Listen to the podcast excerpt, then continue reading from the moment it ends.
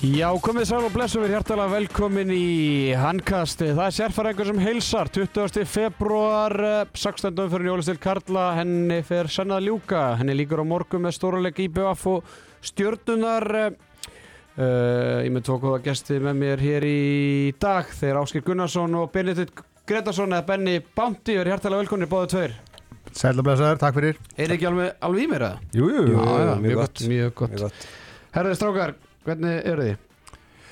ég þokkalegur Vömbin full af bollum Já, bóludagur. Já, þannig að ég, ég bara, ég bara aldrei verið betri Já, samanlá. Bara tveir dagar, þetta þetta er tvekja dagar helgi, bóludagurinn. Já, það er byrjaði ekki að er og svo aftur framhald núna. Aha, Svo sprengjudagur á morgun og, og síðan alltaf uppáhaldstað að benna. Það er öskudagurinn. Já, þá fer, þá fer leðrið upp Já, Klæði ég mig eins og ykkur village peoples það er bara um að gera að taka daginn sem, eða bara taka daginn snemma, jafnvel. Já, já, Byrja Byrja- bara í fyrðunum. byrja þetta bara í skuttla í skólan börnunum, vera komin í gallan Já, og svo færðu bara beint að vinna. Já, já, það er þannig Syngja. Herðu strákar, aðteklisverði leikir, eh, fyrir með ein, einungis yfir fjóra leiki í kvöld þar sem að eh, Valur fram þeir áttust við þessar umferð eh, fyrir árumót þar sem að Valur unnu. Síðan fóru fjóru leiki fram um helgina og síðan eins og ég sagði það, hann endar umferðin á, á morgun í stórleik stjórnunar og, og IBVF. En uh, og aðteklisverði úslit í kaplakreikunum í gær þegar uh, stjarnan, nei þegar gróttan, gróttumennir mættu í krigan og, og fóru með sigur á hólmið 36-35 og áður við fyrir að ræða þann leikstrákar þá ætlum við að heyra í Róberti Gunnarsinni. Á línunni er Róbert Gunnarsson, uh, þjálfari gróttu sem að uh, fór góða ferði í hafnaförinni gær og, og vann ótrúlegan sigur 36-35 og, og eins og vísi greindi frá í dag þeir voru ekki yfir í eina sekundur Robby, hefur ekkert verið lendið þess aður? Nei, held ekki sko, en ég er endur ekkert rosalega minnuður sko. Þú var alveg til að vennjast þessu? Já, já, já, þetta er svona svolítið búið að vera svona sagan okkar í veitur, þetta er búið að vera margir mjög spennandi leikir og stundum fallaði með okkur og stundum ekki. Mm Ef við förum bara aðeins eh, svona þýðingu Sigursins fyrir bara þig og, og, liðsins, það var svona þrýr erfiði leikir að baki eftir áramót en, en að fara í krigan og, og sækja Sigur gegn bara, já, topp 2-3 liðum í, í deildinni, svona þýðingu bara fyrir liðið að ná í þess að tvo, tvo punta. Já, náttúrulega bara greiðlega mikilvægt og hérna bara alltaf ánægilegt að vinna náttúrulega, en hérna þetta, eins og þú segir, við, mér fannst við spila vel á móti val, virkilega vel og vorum klauvar, klúruðum því bara sjálfur fannst mér sko. Að það var svolítið svekkjandi með hvað leikur var góður í 50 mínútur og svo koma hann að tveir skýta leikir og þess vegna var náttúrulega bara gott að við náðum bara svona að finna okkar rétt að takt í, í síðasta leik. Þannig að það var bara kærkom að sjá, þetta maður veit hvað býr í liðinu, þannig að það var gaman að sjá að þau voru kominir aftur á sitt nivó. Já, ég, hérna, ég nefndi á Twitter í dag að við erum að, að, að brjóta blaði sögur hlaðvarf, það er að fyrirvændi þjálfara að taka viðtalið núverandi þjálfara. Mjög hérna aðtilsvert og svolítið íslenskt en, en hérna vorst að tala um þess að tvo slæmu leiki sem fóru fram gegn afturöldíku og, og stjórninu og, og hérna ég verði svolítið að taka undir að þetta var svolítið út úr karakter fyrir grótuliði síðustu já, þrjú tímanbil, hvað hérna þurftur að grafa svolítið djúft inn í, inn í hérna reynslubankan og, og leita af einhverjum einhverju svona sementi til að, að kveiki þína mönnu fyrir þennan leik Nei, nei, ég síndi þeim bara gamla leiki fyrir að þú þjálfaði það og það virkaði. Já, 7 og 6 aðeins og svona Já, þannig að- þannig að fórst bara í, í, í gömlu góða árin þegar að allt leik í lind á nesunu já, já, það er alltaf frábært. Sko. Já, herðu það næsti leikur hann er á móti fram uh, ég ætla svolítið að setja pressu á ykkur á, á nesunu hvað þá, þann leik varðar að stjú, frábært að vinna FH en, en ef þið náðu ekki sigur á móti fram þá gerir sigur ykkur á móti FH og lítið fyrir ykkur í, í, í svona barátunum átt, eh, bestu átta, ertu sammála þessu eða ætlar að vera ósammála þessu? Nei, ég menna, uh, ég held að tablan sýnir nú bara stöðuna, hver, hver punktur er náttúrulega greiðarlega mikilvægur fyrir okkur og hérna, ég held að það sjá það allir, en, en við ætlum samt bara þetta í gum og gum og, og taka eitt leik í einu, ég held að það borgir sér bara næstu fyrir hvaða leið sem er að vera ekkert að pæla og langt fram í tíman og bara einbita sér af, af fram og auðvitað ætlum við að vinna þá og þeir ætla að að vinna okkur, sko. Mm Eitthvað svona sem að, að hérna út farin undirbúa fyrir, fyrir framleikin mér fannst þú svona gera aðtiklisvert í þessi gær að þú kannski hefur verið að rótira liðinu mikið en, en, en í setnálingu gær þá ertu bara í stikla að spila bara Ara Pétri, Bygga og, og Tæ sóknarlega með Hannes á línunni, Þorge Bjarka og Jakob í hotnanum er, er ég ekki að lesa svolítið rétt í þetta? Þú, svona, þú, þú kvildi leikmenn að freka varnarlega heldur en sóknarlega? Já, Lulli var náttúrulega líka hana svolítið í setni halleg hérna og svo kom hann Aron Aron aðeins í vörnina og rétt og hérna, jú, minna, við vorum bara að finna fínan takt og, og hérna svona Tæs og Lulli skiptið svolítið inn að, að vera inn á og svo náði að kvíla aðeins bygga varnarlega og það bara, þú veist, betur fyrir hérna eftir gerð. Mm -hmm. Eitthvað sem hefur komið óvart að þjálfa í ólisteildinni, þú náttúrulega, já, að, að stíga þín fyrstu skref í þjálfara, þjálfaraferðlinum. Já, bara hvaða er ógeðslega reyðilt að tapa, sko. það er hérna, þetta er náttúrulega allt, allt annað eldur en að vera leikmaður og hérna, og ég gerði mér ekki alveg grein fyrir hvað þetta, maður tekur þetta mikið inn á sig, þannig að hérna, maður þarf svona aðeins að, aðeins að venjast því og, og byggja þól og, og halda, halda ró og allt þetta og það er svona, það er að koma aðeins og hérna, en það er, maður læra hverju degi og maður hjælt maður vissu allt en svo veit maður ekki neitt. Hvað svona helst hefur hefur þurft að býta í tunguna kannski 30 setna og hugsa svona, herðu, ég var ekki alveg með þetta á reynu? Nei, það er bara svona leikir, veist, svona eins og nokkru leikir í byrjun tíðanbíl sem að mér fannst svona, ég, ég hefði geta gert betur og, og hérna, og þú veist, svo læri maður því og svo, svona, svo, er maður alltaf þessu eilíða, hérna, því beitum hvernig átt að taka leikli, átt ekki að taka leikli og svo heldur þessi rétti tíma að taka leikli og það fyrir allt í skrúuna og þannig að þetta er svona, veist, þú veist eil aldrei hva, hvað er rétt og hvað er rátt, en hérna, en já, ég veit ekki, þetta er góð spurning en það er svolítið erriðt að svara henni sko. Já, en þú lítur að hafa farið sáttur og svo í gær uh, meðvitaður um það að hafa ekki tekið einmitt leikli í loka sóknina því að Henrik Birgir sem var að lýsa leikma, hann var farin að garga á því frá söðularspreytunni inn í, í kapleikrika hvort þú ætlar ekki að taka þetta leikli og, og þú ákvæmskar einlega að taka það ekki. Og varstu meðvitaður um þetta eða, eða bara glemdur í mómentinu eða? Nei, nei, nei, það var alveg bara alveg meðvitað. Uh, Ég var svona velta fyrir mér að taka leikli þannig en þá þannig aðeins fyrir en þá taka F-fanga leikli þannig að þurfti ég ekki að taka leikli og hérna, nei og svo bara fannst mér bara strákarnir bara alveg vera með þetta og bara fullt traust á þá og, og það er svona það sem þú vilt til þjálfari bara strákarnir stýði svolítið upp og taki, taki sjálfur á skarið og, mér fannst þeir gera það í sérstaklega svona í setni hálfleik og, og hérna, þannig mér fannst þeir lengið nástæði að taka leikli, ég bara hafi fullt traust mm -hmm. til þeirra sko. Algjörlega og kannski svona áhugavert að rýna í það hversu mikið gagna þetta þessi leikliðundur lokin hafa. Þú, náttúrulega bæði gefur það anstæðingunum tíma til að undirbúa sig fyrir loka sóknina og, og kannski setur auki pressa á þitt eigi lið Já, þetta veist, svo náttúrulega ef að þeir hefðu skorað og, og hérna allt þetta færið öðruvísu þá var náttúrulega allir gaggrinn með fyrir að geta ekki leiklega eins og sagði á hann, þú veist aldrei hvað hva, hva er hvað er rétt og hvað er rámt í þessu sko. Mm -hmm. Það stutt á, á milli í þessu uh, Það eru sex leikir eftir af, tímabilinu þeir eru þrejumstöðum frá haugum sem er unnu afturliki í kvöld uh, er þið ekki bara gæla við það að ná þessu ná í njúsleikjumuna?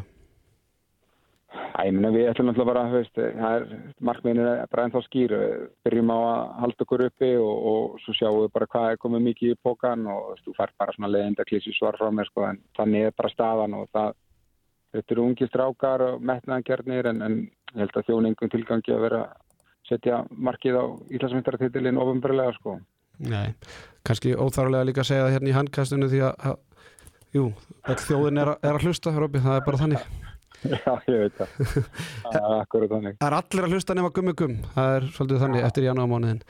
Herðu, Robert Gunnarsson, þjálfari gróttu, takk ég alveg fyrir að taka upp tólið, ég óskaði bara góð skengis og, og byrja að hilsa á, á nesið. Já, takk fyrir það. Takk, takk, heyrumst. Okay. Herðu, hérna heyrðu við í, í Róberti Gunnarssoni þjálfara gróttu ásker. Þú ert F-áðingur í, í húð og hár. Mm -hmm. Tilfinningin F-á 21-16 yfir í, í háluleik og, og glutrar þessu síðan bara svona með hverju mínútu sem leiði í setna háluleik og, og, og eins og ég sagði í viðtalinu grótta er ekki eina sekundi yfir í leiknum en vinnur samt leikin. Nei. Um, ef við hefum verið að taka upp í gær þá hefði ég örgulega verið aðeins öðruvísi en þetta er samt bara, var bara ríkilega lélegt um, mér langaði að grípa þetta samt með, hérna, með leiklið að því að í gær við vorum nú með svona eitthvað toxic spjall okkar á milli þar sem vorum að ræða svona leikinn og það var mikið talað um hérna að gróta væri að sína svona ákveði áhuga leysi og staðan var 8-3 og ég hugsaði nákvæmlega þetta. Þetta ætlar ekkert að fara að taka leikli það er ekkert í gangi hana samt bara flæði leikurinn og svo bara 8-7 og leikurinn í miklu jafnvægi í öllum fyriráleik. Þannig að mér finnst þetta svolítið svona áhugaveru punktum með leiklið. Ég held að taka ekki leiklið fyrir bara undir lok fyriráleiksins sko. Benni, sammála þessu? Já, ég er svona, ég kom með mitt inn á það í þessu eitra spjall okkar að hérna, það mér hafði þetta svolítið ógróttuleg framistæða í fyriráleik. Það var eins og þau væri að taka uh, síðustu þrjáleiki með sér inn í þetta. Þeir voru svona daufir, af því að það hefur yfirleitt verið svolítið hundur í þeim, að þau er svona seiktlið, lítið stemming á bekknum og svona, mér fannst F-fáingarnir raun og veru bara klaufar að vera ekki meira yfir í fyriráleik. Mér fannst þau vera með algjörst punktak á þeim og svo bara, þú veist, fyrirháleikunur endar á því að FH skorar kemst fjórum mörgum yfir þegar 15 sekundur eftir. Gróttu text að fara upp, fara á hávörnina reyna að skota gólfi og fá mark í bakið þá held ég þetta að væri endalega farið það Já, e- algjörlega og hérna, það sem að Benni er að tala um þarna er að, að staða var 1916 og, og FH skorar einmitt, það er einhverjur 18-20 sekundur eftir uh, gróta fyrir við sók, Lúði Torberg Arkelsson tekur eitthvað mjög ótíðabært skot í háhörnina FH hvernig keirir hraðafleip og allt í nöðu staðan á 21-16 og game over hugsaði ég sko. Já, og, og senn er það fleiri Mhm. og hérna og svo ef við förum í setnafleikin að, þá byrja hérna grótumenn stert skora fyrstu fjör, eða fjögur eitt í, í hérna byrjun setnafleiks síðan komast FH aftur ykkur fjóru fimm mörgum yfir svo gerist þetta aftur um miðbygg setnafleiks og, og hérna á þeim tímabóti er einmitt uh, roppið að kvíla Birgistein og þá hugsa bara svona, heyrðu, ok, nú er þetta endalega farið, skilum við bursið frá því að, jú, jú, gróta getur alltaf komið tilbaka en þeir voru, voru bara ekki búin að sína í síðust tveim leiki, bæði móti stjórnum og afturlíku þannig að bara móti FH sem eru bara Já, bara á heimavelli, þetta er bara, þetta er, bara, þetta er veikleika merki bara, Al- algjörlega. Í fyrri áleika áttur eru bara að klára leikin og það má líka alveg þú veist, ræða það þetta var rosalega stífur og styrður sóknarleikur hjá FH og ég kom aðeins inn á það líka í þessu hérna að, veist, FH áttu mjög erfitt með að, að leysa bara vörnina og það enda á því mjög ofta að ási eða e, e, hérna, einabræða þeir voru að sk- skjóta bara fyrir utan úr einhverju vonlausum stöðum og þetta bara gæða skotmenn. En bara munurinn á eins og Birgisteinn og Hannes Grimm í setnáleik sem voru bara, hann var alltaf að finna á línunni, þeir voru að fara inn úr hotnunum, Dölir var ekki neitt í hotnunum, endalust að vítum að fá á milli 1 og 2 og bara himn og haf þarna á milli. FH var bara yfir í þessu leik út af hérna hraðanum í setjabylgi og, fyrstubylgi hraðalöfum aðeinsvægt að tala um sóknarleik. FH þeir þeir ætla að skora 35 mörg í þessu leik en, en ég sá bara setnahóleikin og, og, og það er svona komur óvart að sjá og ég hef kannski geta spurt hérna rópa aðeins út í það hver pælingi var það. Að vera með Ágúst Emil í varnaskiptingu þetta er sannilega í fyrsta og mögulega eina skipti sem Ágúst Emil verður skipt inn á í, í varnaskiptingu í vörn. En, en ég meina með af hvernig svona leikur þróast í setnahóleik sammála áskera að FH skora mikið úr hraðaplöpum og, og setnabylgju en í uppstiltu sóknarleik sérstaklega leið á leikinu ásjóðarum þreyttur það var bara ekkert að frétta. Ég meina, sko Aron Valur sem kemur í þristinu á gróttu hann er ekki búin að æfa handbólta núna frá því að seinast tíma lauk þegar hann kemur inn. Ég held að þetta að vera strópus í smástund. En það munast að klálega að þeir náttúrulega er ekki með örfendan í þessu leik og það, og það sást alveg svona greinilega en samt sem áður þá var hvað var þetta að mjög hjá stíft sko. Jóaberg það er hann að heila hristíkurinn það fóru kjálkarið á móti já, já, já, fram, fram hann að tökið en ég, ég er seinasti þjálfana til að vorkina mönnu fyrir að vera ekki með örfenda leikmenn. Ég spilaði með án örfend skiptu í heilt, heilt tíma Já, já, en það er ekki- kannski erfitt að að taka allt í unum skiptin sko. En þú veist, hérna örfendur leikmendir eru samt ekki valdur af því að FH fær á sig sko 36 mörg í þessum leik. Það bara var, og, og þetta er svolítið svona að þeir alltaf vera að tala um hraðan og annað í leiknum. Margt af þessu, ég meina grótan er ekkert að keira þeir eru ekkert að keira mjög hratt upp völlin sko. Nei, nei, ekki þannig lag sko, við, við erum búin að hengja okkur svolítið mikið á sóknarleikinu FH sko FH fær á sig 19-20 mörg í setniháleik á móti gróttu sem er kannski ekki besta sóknarlið síðasta korterið þá hérna, skora gróta 12 mörg Birgistedt skora 7 mörg og þrjár stóðsendingar, allar á Hannes Grimm. Þessi tveir leikmenn skila 10 á síðustu 12 mörgum bara gegnum hjartað, Mhm. endalust Mhm. þannig að maður spyr sig, var ekkert þetta reaktera á þetta eða?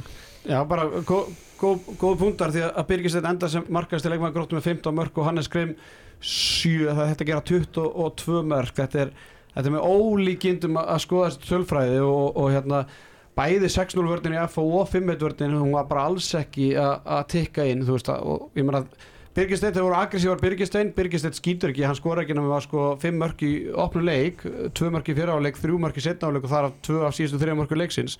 En í öll skiptið sem er aggressífur þá fann Birgisteinn hérna Hannes Grimm á línunni og Hannes Grimm með 7 mörg og fiskar 3 víti, Birgisteinn með fjö, fiskar 4 víti. Já, þetta er bara og ég held, hvað, þeir, þeir fá sko 11 víti í þessu leik. Já. að og bara nánast öllum vítunum fylgdu tveggjumynda brottisum líka sko, það var ekkert eðlilega mikið að vítum og tveggjumynda brottisum Einar Baldvið með áttavarða bolta og Daniel Andri kom með góð innkomi í miðbygg fyrir áleik svo, svo eitthvað aðeins í setna áleik var, með, var með 6 varða bolta 30% hérna markvæslu Jakob Ingi Stefánsson heldur upptekn og hætt með 5 mörg og 6 skotum búin að taka vinstur hótnastöðuna bara af Andra Þór Helgarsinnu og, og Thijs Koch Sonnegard 3 mörg og 8 skotum 3 fisku víti. Mér finnst hann heldur öflugur í, í þessu leik svona, e, ég ætla ekki að segja bestileikur en það var svona gróttan gæti loksins treyst á hann skilum, hann var að skila inn fiskuvíti, eitt og eitt mark og, og, og allt það, já, F-fæðingum var áspilt fyrir þessu markaðistu með 11 mörg, eina bræði 7 hann alltaf meira minna tekið umferð bara í hérna, í setnáleika Egil Magnússon fjögur, Birgir Már fjögur aðri minna, fyllt dölum 11 var að bolta. Ég heldur hafi verið fleiri, hann er ekki skráð með eitt var í bolta í setnáleika en, en sangkvæmt mínum heimildum voru þeir alveg 4-5-6 í, í, í setna hálfleik. Uh, Samúla Geir og mér að benda að komið svo aðeins á, á því hennar Benedikt Bounty að uh, þetta er svona veikleika merki hjá FH og þeir byrja tíðanbili eftir árum með því að skýta mútið val í svona klötsleik gera svo vel í, í síðustum ferð vinna framarana sem að hafa nú ekkert verið að ríða feitum hesti síðustu 2-3 mánuði. Fá svo gróttuna heim. Grótta búin að tapa síðustu þremur leikjum síðustu tveimur leikjum samverðandi. Eru með leikin í höndu sér.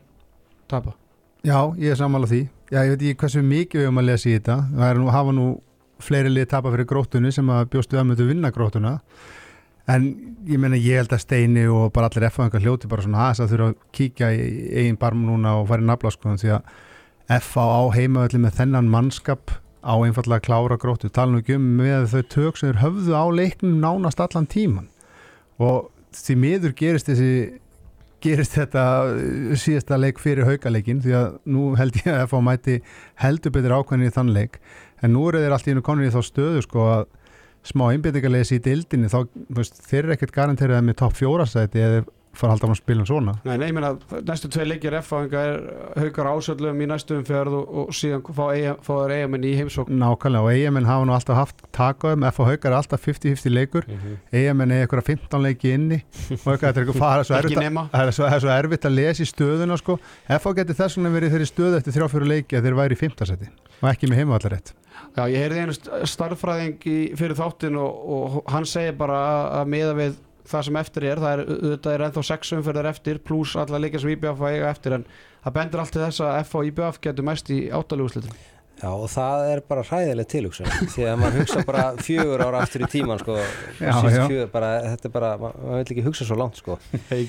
En maður var bara fann að hafa smá svona von auðvitað fyrir valsleikin að þú veist, FH gætu hugsalega eitthvað svona strítvölsrunum nú er eiginlega bara svona fyrir svona áhuga mann þú veist Þetta snýst bara um að valur verði bara með alla þreytta eða alla meita til þess að þetta getur orðið eitthvað spennandi í, í úrslitunum sko. Já, já, það bendur ekkert endilega til þess að þeir menn, menn sem eru meiti núna, þeir ættu að vera klárir þegar úsliðkennin byrja, þeir eru eiginlega verra fyrir það núna hversu margir eru laskaði núna með stórleiki sem framöndunar á morgun Já, maður er eiginlega meira spenntur bara fyrir Final Four núna sko, því að það voru þeir bara Hva, út hvar, og... er, hvar erum við samt stattir í handólta umfjöllun og pælingum þegar við erum bara svona, já, já, ef það er verða með alla heila þá, nennum við alla að horfa á nei, þetta þetta, já. Er, eh, veist, þeir eru bara búin að vinna fyrir þessu þeir Já, eru með já. frábærtlið en, en veist, þetta vinst á parkettinu og Já, já. annað en sem nú gest ég meina ekki að afskrifa liðin svo IBF til dæmis í úrslutakefninni eða hauka að haukana Já, förum, förum og, og tölum um haugana því að mm. stórleikur umferðinar var í kvöld í árum, ekki árum, árumólunum og ég ætla að segja ég ætla að segja hótel Já. Íslandi. Afturleik haukar mættust í Varmá í Mósesbænum þar sem að já, það var heldur betur spennað allt til enda í staðan í, í háluleik jöfn 14-14 en það fór svo að haugandur unnu með minnsta mun og, og kláruðu þetta. Já, ég ætla ekki að segja með stæl en Benny, þú vilt uh, bara taka að mér orðið. Nei, ég heldur að hafa unnið með tveimur þá þú sagði með minnstamun Já, en það munar nú ekki miklu. Það skipti ekki öllum máli, það er rétt. Þetta var bara uh, svolítið veist, það var þetta bæði lið að koma svolítið haltrandi inn í hennan leik. Það vantaði líkil menn hjá báðum ég heyrði að okkar allra bestu í setnibilginu byrja á því strax til leik að haukar hafi verið að mæta þarna löskuðu afturhaldingarliði ég, þú veist Stefán Raffn og Guðmundur Bræi er þetta ekki bara tveir bestu leikmenn hauka? Jú, en, en sko verðum að gefa það að haugandur er með töluvert meiri breytt heldur en afturlík og, og aft, það hefur nú verið talað um það á, á þessu tímabila veikleikar afturlíka er náttúrulega breyttin Já, en sko, er, erum við þá að tala um breytt samkvæmt pappirnum eða breytt með að hvernig menn hafa spilað í vetur?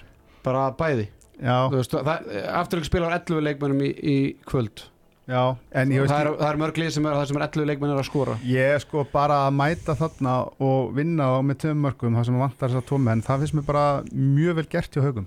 Ég hef bara að segja það og það er bara að það iljaði mér alveg bara frá tásum og upp í, upp í Þú hárlöpan ert orðið svolítið hérna, Ah. mjúkur að hérna sjá það var markvörður í markinu sem varði nokkra bolta.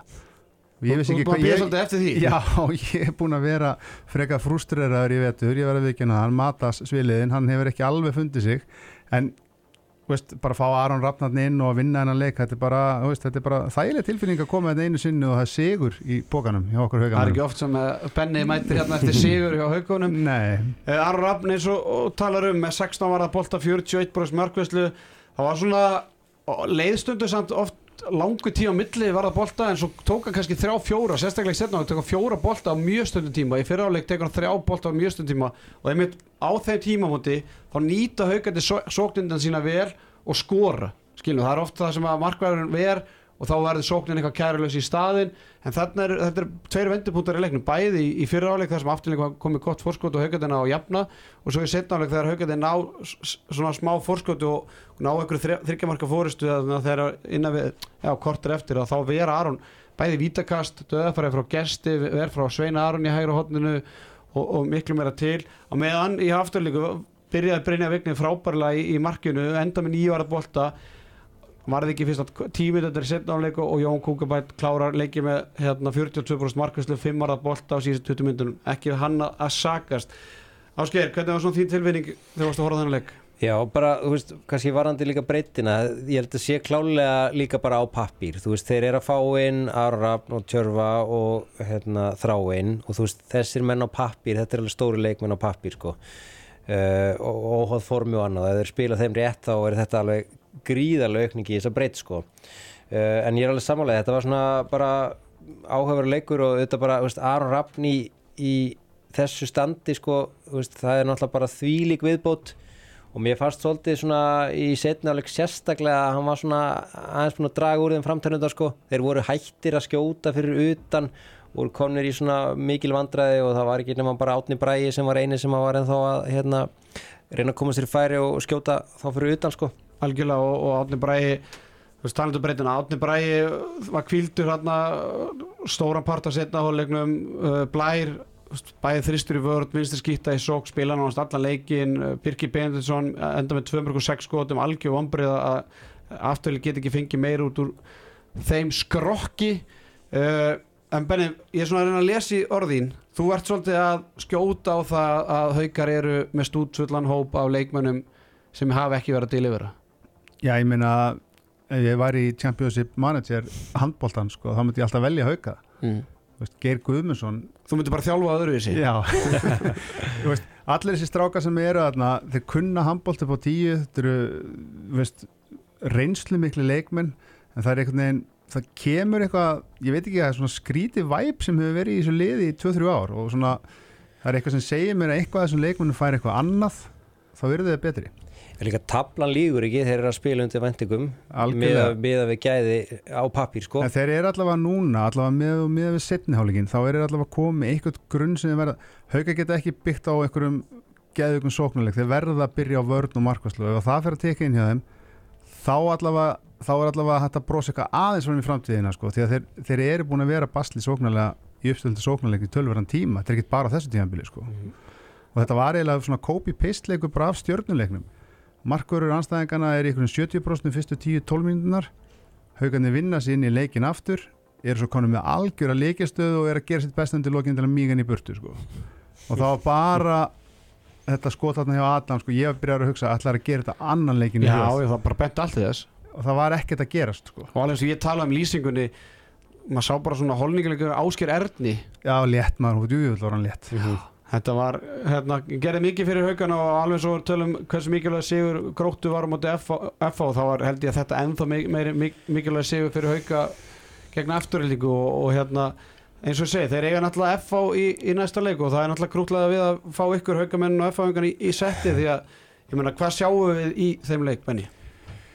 Ég held að sjá bara klassiskan haugar FH sko, þetta er ótrúlega klísi að vera alltaf að rópa þessu sama út í sér þegar maður talar um þessum tvö lið að sko meiri segja þegar haugar voru frábærir og FH ekkert sérstakir þá voru þetta eiginlega, eiginlega alltaf leikir það var, það var svona duttu inn einn og einn leikur sem voru ójafnir í aðra okkur áttina en annars þetta alltaf að ég að ráðast á síðustu tveim mínútonum eða eitthvað þannig ég held að við sjáum bara eitt-tvö mörk í aðra okkur áttina sko. Mm. En heldur að þessi sigur Þú veist, ertu bjarsýtnu eftir þannig sigur eða hefur bara alltaf haldið að FH haugar verða alltaf sami leikurinn? Ég er bara, já, ég sko, það eru spurning fyrir mánuð síðan þá hefði ég sagt FH með 6-8 sko.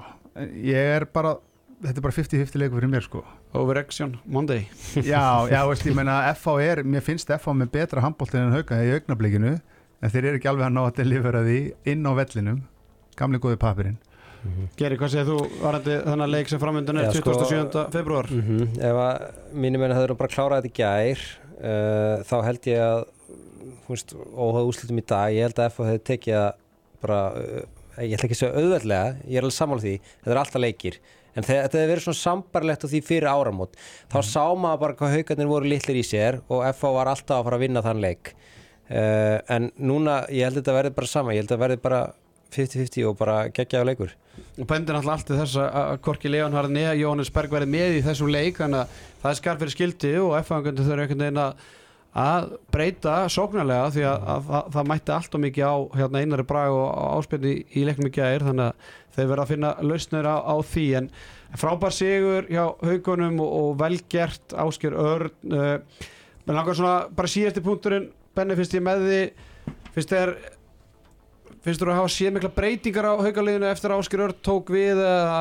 bara sama? Uh, sko, mér fannst ég að skinja betri, betri anda fyrst eftir hann tók við. Mér fannst þetta allt svona þungt og flatt og eitthvað og hann náða að keira upp smá svona gamlu góðu geðveikina. Mér fannst ég sjá batamerki strax á móti val. Takkar IBVF með tíu. Mér fannst ég svona, já, þeir eru réttir leið. Svo dettur þetta svona niður í sömu flatneskuna inn á milli Ég held samt að við séum á betri stað núna en þegar að rúnar, og það er ekkert við rúnar sakast í raun og veru, hann bara var ekki að ná eitthvað nefn til leikmanna eða eitthvað, ég veit ekki hvað það var, hafa kemistri hann eitthvað slæm á milli eða eitthvað. Við erum á betri stað en við vorum í uppæði tíma bils, þar sé að haugar eru á betri stað. Já, búin að fá menn tilbaka. Já, fá menn tilbaka og svo veit maður ekkert ástandi á Guðmyndi Braga, sko. Ég held að það sé svona algjört líkilatri fyrir hauga bara að taka, fara varlega með hann og eiga hann inn í Final Four. Bara að mittist á, á, á læri í, í janúar og, og var síðan byrjar aftur að æfa eitthvað aðeins og, og það er svona að fengja aftur í, í lærið. Þannig að það er ennþá nokkra vikur í, í Guðmund Braga samkvæmt mínum heimildum. Já, ok, þá, þá lítur það ekki vel út fyrir Final Four. Nei, sammála því en það er ennþá eitthvað 2-3-4 vikur í Final Four þannig að sjáum hvað setur. Herruði Strágan, förum í hérna, bregðaltið þar sem að ég ætla að spyrja það ásker voru það óvendust úrslitin? Sigur Ír á móti Káa eða voru Sigur Gróttum á Defa óvendari? Ekki segja að e, Ír úrslitin hafa verið óvendari Vindum okkur í bregðaltið þar sem óvendustu úrslitum Ég er ekki samála þessu. Nei, það er gott að það er ekki samála Ég er að grínast. Þetta er grótt að vinna FA og heima eftir tvo tabliki óvendara Ok, en fyrir, fyrir tíanbilið þegar menn voru að tala um það að ég myndi nú allar ná í stig sko Já, Já, ég var að skoða spána mína sem ég sendi á þig. Já. Ég var með ég er í næsta seti. Ég átti ekki vonað að þeir eru svona góðir sko. En, en ég meina þeir eru ennþá í fallseti. Já. En byrju, sástu leikin eða? uh, nei. Ég hérna Það er alltaf bara, þú veist Það er gríðarlega erfitt að nálgast að horfa heimaleg í þér Og ég spyr bara Munum fyrir því handkastinu Fá bóð á forsýninguna Þegar að IRTV kveiknar eða vakna til lífsins. Já, ég, það hlýtur að vera. Og hversu erfitt, var, snýrst ekki um rafmagn eða nettengi eða Ég, eitthvað það er alltaf frá stöðu sport sko. Já, þú veist, það, þegar spur, spurningin var svo af hverju handbóltin er ekki nei, bara, bara IR TV og YouTube. Já það er bara mannekla myndi ég nú bara halda sko. Já, við þurfum bara að bjóða okkur fram koma og taka þetta upp. Ég ætla ekki, að- ég ætla ekki að bjóða var mig fram til það það. Við erum alltaf upp í skó að segja bara. Allt fyrir handbóltan ég er ykkur unnu K.A. 35-29 eftir að vera undir annarkvort 15-17 eða 15-18 það er eitthvað voðalega hérna, Mm. á reykjum það hvort að K.A. hafi verið ein, nei, tveimur að þreimörkum yfir í, í háleika en, en uh, já, ég verði að viðkynna það að þetta, sko Ég hugsa þér hafi ekki skráð kannski lokamarki Káa fyrir 7 og 6 já, er í lokasókninni skilja markmannu eða eftir fyrir utan í 7 og 6 klúra og fá mark á sig bara á loka sekundinu Ah. Óli, Óli fær boltan og, og sendur hann í netið bara á loka að þú ert sekundinu búin að sjá leikin ég, las mig til um þetta. Ok, ok, ok. En allavega, hérna, ég verði að viðkynna að þessi, leik, að þessi sigur kom mér á óvart. Af hverju uh, mér fannst eins og það væri bara allt hrunið hjá ég skilum við, bara svona stemmingin og, og gleðin og, og eitthvað við erum nýliðar og við erum enga að tapa einhvern veginn eins og þetta var í, upphæðu tíðanbils mér fannst þess að það væri bara hrunið. Að samaskapi Káa kom með eina rafna aftur, Óli Gúst búin að vera frábær. Uh, þú veist, vinna bara nokkuð sannfærandi sigur í, í, umferðina undan á, á móti hérna fyrir ekki unnu hörð nokkuð sannfærandi og svo stóðu þeir bara í völstöðurum 17-17 í hálfleiki á undan þannig að standa í, í afturlingu farið náttúrulega í, í framleikingu mútið afturlingu þannig að mér fannst svona einhver góð ára yfir kámunum en auðvitað þegar maður hugsaður hans pælið hans í þessu að, að tíðanbilið er basically bara lokið á káa Mhm. ég held að þeir hafa bara hleyft út aðeins og verið hleyft út blöður þegar þeir dutt út úr byggarnu Já, þú veist, það ég- var gullrótin þeirra. Það var sá punktur sem ég glemdi að setja inn í jöfnuna þegar ég fór að hugsa út í þennan leik því að, að sjálfsveit, bara svekkjálsið að tapa í, í framleikingu og heimavelli við- innan gæsala bara svona byggarlið skilum við, fara í byggarúsliti fyrra og voða gaman fara svo í skóaselið þetta er ekki besti staðan til að fara á, í, í, á, á kvöldum nóva, eða februar kvöldi sko. Nei, alls ekki getur Nei. ég að bjarga sér, Ég-? Það er bara nákvæmlega það sem að mér langar að spyrja þig sko, ef ég fæðist fyrir spurningar af því þegar ég kom í það í desember þá var uh, ég er gróta og þá spurðir þú mig hérna hvort það verið betra ef gróta, því gróta rétt vann ef ég er hefði unnið, ég sagði að ég hefði vilja að ég hefði unnið til þess að halda eins lífi í þeirri baróttu og þá talaði þú það niður að þetta væri löngu búið en það eru bara þrjú stig og það, þeir eiga með þess að leik inni en hins vegar ef maður skoðar leikjaprógramið já, Það er val og ansi þungt. IPVAF og Ok. FH og- Förum bara aðeins í leikjaplanið og þið segir mér bara hvort það sé 0, 1 eða 2 stig. Um, Valur heima. 0, Selfos úti. 0, 0, IBF heima. 0 Stjarnan heima. 0 Stjarnan er ólíkindartól ég, ég hallast að nullinu en þetta gæti alveg dottið stig þarna. Afturöldík úti? Já, það fyrir eftir hvort það vant alla líkil með Já. með afturhaldingu Ég held að, ég held Ég sækja, sko. sækja ekki tangað, nei. FH heima? Á að vera 0 en ég meina í fyrrum umferðinni var það samt bara leikur. Ángríns Framararnur úti í lokaleg að taka tvöst í þar. Já, það getur tekið, já. Bara, þá er bara gaman og ég, er gleði að og sjá, ég er að sjá í besta falli fjögusti Já. Fjösti Ég, ég get alveg séð Selfos ír í næstu, eða sko það er ír valur og svo Selfos ír. Ef það finnst mér það að vera svona síðasta hálfstráði fyrir íringa, ef þeir náðu sigur þar þá bara verða að djöflast til að ná eitt sigur í viðbúð en það má ekki gleyma því að káa á hörð eftir þeir eiga gróttun eftir held ég. Eða, nei, káa hörður er búið tvisar þeir eiga gróttun eftir hérna í, í en ég meina eru Selfoss ekki á þeim stað að þeir eru að bara uh, þurfa að vinna til að halda sér inn í úrslakefninu eða Selfoss er alltaf komið 70 stig Mhm. fjóru stigum meira en grótta eiga innbyrðis á gróttuna, þannig að þeir eru basically 5 Eh, stigum en bara ef við drögum þetta saman þetta er náttúrulega bara frábært að IR sé komið með átta stig miða við umræðina sem var hér fyrir mót Þá Að þá ætla ég að koma með enn, enn og aftur þann punkt, Mhm. 11. þarf að fara í umspil. Já, þar erum við sammála. Það er bara, það er með ólíkindum að því að, sko Ásting HSI að bara ef eitthvað félag í úrlistildinni kæmi með þetta þetta er því samþygt Mhm. því að það, vilja, það vill enginn falla. Þannig að einu liðin sem eru á móti þessu væri grill 66 deildin sem að liðin sem væri til að fara bara alltaf upp. Án þess að ég held að sé endilega öll liðin sem vilja fara upp en það þarf bara eitthvað lið stjórnarmenn sem er að hlusta á handkastið stíðu upp þess að tilu að 11. sætið í Ólsild Karla fari í umspilið um að halda sér uppi. Við erum að tala um Það er umspil hvenna megin. Það er umspil hvenna minn að sjálfsögðu. En það er bara ekkert ekkert óreittlægt við það og ég menn það er bara umspil annars staðar í Mhm. Norrlöndunum og, og allt þetta. Sko, fö- förum bara tvö ára eftir í tíman eftir COVID-ið. Þar fellur falla þósararnir mm -hmm. í 11. seti, Írikandi með 0 stig þósararnir, þósararnir með Íko Kopisinski Jón Kukubat með Arnar Þór Fylkisson, með Strópus skilum við, alveg með fjármanni til að byggja ofan þetta, liðir fellur þeir eru held í tí- eða næst næsta seti í grillu í dag Mhm. í, í, í fyrra falla vikingarnir og háká fellur í, í 11. seti á mikil barátt á þarna um það hvort liðið myndi endi í 11. seti en baráttan er samt ekki meira en það að bara bæðileg voru að fara að falla en geti ímyndað eitthvað eða var að keppast um það að ná þessu helvítis umspilsæti Já, það er svo langt á milli þess að falla og halda sér Bara- í deildinni það, að er, það er önnur heimsálfa á milli sko.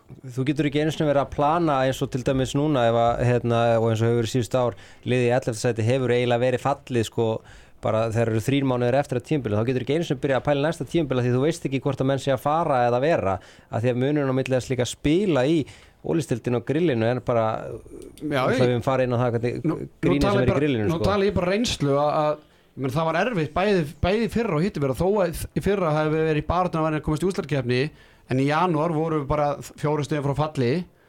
Uh, það var erfitt fyrir okkur að fara að ræða við Birgisteina, Einabaldvina, Andra Helga, Jakob eða hvert sem er, Ágústemil eða Hannes Grim bara herðu, framleikja hérna 2-3 ár.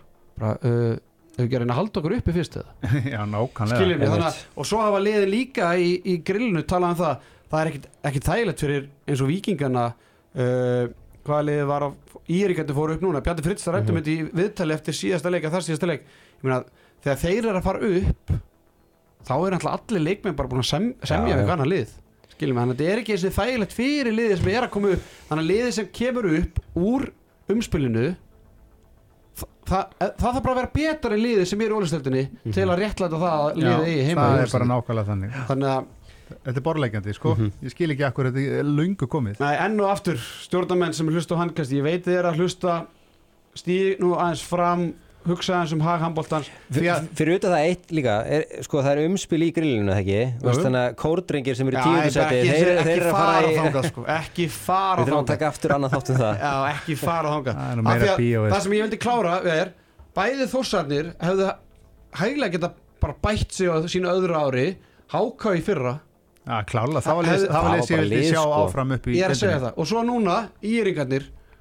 Bæta við sig einu, tveim leikmönnum þremur kannski, Já. þá er þetta bara orðin ennþá nær káa og ég fæl gróttu og kannski Mhm. ykkur haukum eins og staðan núna. Hvaða ég meina, hei, ekki gleyma því að íringarnir unnu haukana á þessu Já, ég gleymi því aldrei Ég get lofaði því En uh, já, það er, við ætlum ekki að ræða alltaf mikið um þennan leik nema það bara algjör vonbreið fyrir Káa en, en ég held að uh, svona tókum það ágætlega saman að, að tíabilinu eiginlega bara loki hjá Káa Gauti Gunnarsson, hann vill sennilega Já, Eh, hvað var það? 5 að 12? Nei, 6 af 15 stendur hann hópið stats. Nú, ok. Dagur Gautarsson 6 af 7, Einar af 5 af 9 fær raut spjaldan undir lokleiksins uh, Óli Ósynli hann var sínulegur þessu leik með 17 varða bolta 38% markvæslu gjössalega frábær. Viktor Sigursson 7 Bjerkisteinn á línunum með 7 mörg og, og Rannar 7 með þrjá leikmenn hann sem skora 7 mörg það er líka óvænt. Þetta er náttúrulega á káa sko þegar, þegar eina rapp og Óli Gúst er láta reka sig út fyrir að rífast í dómurum og eitthvað. Þetta eru mennið sem eiga að draga liðið yfir þröskuldin sko. Veist, ég meina hvar er hausinn? Ég meina er ekki Óli bara komin í krigan? er það ekki bara? Hvað er með þetta? Já, segðu okkur. Ég ætla ekki að segja neitt. Ég meina, er, er, er það sagan sem þú ert að heyra á hverju götu hodni eða? ég, maður heyri það bara í fjárðakaup sko. En hann er samlingsmyndi Káa er hann samlingsbundin? Já, Eitt ári viðbót. Já hann er er það? Líka- er ekki þannig sem það virkar? Þetta er líka ekki þægileg samningur í Káa hann er sennilega, ég held að Allir maður Bárusson hann er dýrasti leikmaður per mínútu í deildinni. Já, Óli Gúst er sennilega dýrasti leikmaður per leik. Hann er nú samt búin að vera að skila núna eftir, Ég segi per leik, Já, ekki per per mínútu, leik, já, per leik. Hann spila fáa leiki. Bara semja allir per er, alltaf, er alltaf í hóp en Já. spilar aldrei. Já, þannig að ég held því sem að það er svona nokkuð staðfest að Allir maður Bárusson er dýrastu per mínút og Óli. Allir alveg skilja að halda þeim til það ekki? Jú, hann er búin að vinna fyrir En því. betur fer þá rutt í kvennalið? Já, Nei, þið er alltaf komið Hildur Þorgis já, já, við erum vantar, já, við erum Þeir eru ekki tvær. Nei, Herðu, uh, já, Halli BK frábær í káaliðinu með tveimur- tveimur skótum. Skarpiðan Ívar mar, af mörgum talin einn efnilegasti leikmaður Íslands með núnmörkur einu skoti gegn falliði Íringa Þetta er, Nei, líka bara eins og í þessu írlið eins og þessi nöfn sem varst að telja upp Óli og hérna Viktor og og fyrir þessa gæja að þurfa svo að fara að taka annað tímabil í grillinu þriðja skiptið að á sko spila móti haugumu og valu og kórdrengjónum sem að veist, þetta er svo, þetta er svo þreitt sko já, ég er samanlega Það er grátlegt. Herðu, förum á Selfoss þar sem að Selfissingarnir er unnu hörð með sjömörkum 36-29 eftir að hafa verið 17-14 yfir í hálfleik. Uh, Finnur Freyr Stefansson þjálfari Körbóltaliðs Vals kallum mig Mr. Jinx þessa dagana. Ég hendi í hvað mynd á Twitter þar sem að hvað harð, harðveri voru hvað fimmörkum yfir? Mm -hmm. Já, þeir, þeir aldrei svo vant að byrjuðu þeir leikin Já, það má hrósa þeim Þeir fyrir það. komust, komust í hérna 10-6 en þessi slæmukablar, frægu slæmukablar hjá þeim eru svo ógeðslega slæmir. Þeir tapa síðasta korturinn í fyrirháleik 11-3 áttamarka mun á korteri, það er auðvitað bara fráleitt. Mhm. og ég meina þá bara svo bara spyr maður sig náttúrulega hvað veist eru menn að hafa, hafa er ennþá ykkur að trúa á þessu? Er það ekki bara svona að leika sér í handbóltaða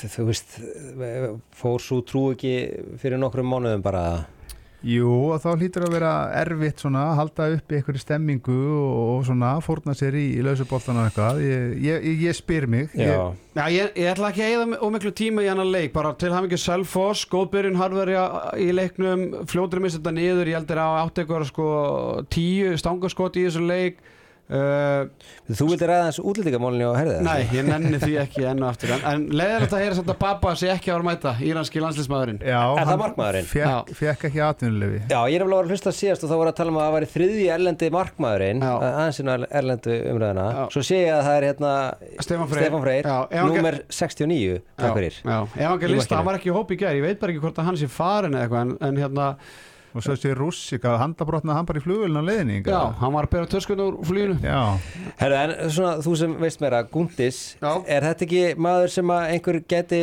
bara sorry harverið en geti stólið það? Ég menn, þetta er náttúrulega leikmann sem að F-fangin reyndi að fá fyrir tveimur ári síðan og, og framarnir þegar þeir voru að missa Vilhelm Pálsen eða hvort, hvort þeir vildi bara fá með Vilhelm Pálsen en, en allir leikmenn harðar eru vel samtir, ef maður segir það með, hérna. Já, en ég minna það þetta setja peningar á borðið, skilur ef það væri eitthvað þannig markmaður Já, hann er allavega með samning til 2024 uh, við hörð og, og það er engar klásulur hvað það varðar og, og, og, og nei, Nei, en það ég er að segja að fara samningaborðinu við hörð ekki við hann Já, sjálfan. en ég er að segja, þú veist harðar er að segja bara nei við öllu skilum við, þú veist, þeir, ef þeir fara að hleypa hinu liðanum í sína útlendinga, þá er þeir bara basically að gefast upp, þú veist, þetta er leikmann sem búin að vera hjá þeim í, í þrjú ár uh, og, bara því miður markaðist leikmann þeir í fyrra var ekkert með fyrir áramót kemur núna, veist, hann er hann er ólsegur og, og bara fjandi fýtt í, í handbólta, sérstaklega sóknarlega og, og hérna með fimm mörg í, fyrra áleik Ísak Gustafsson,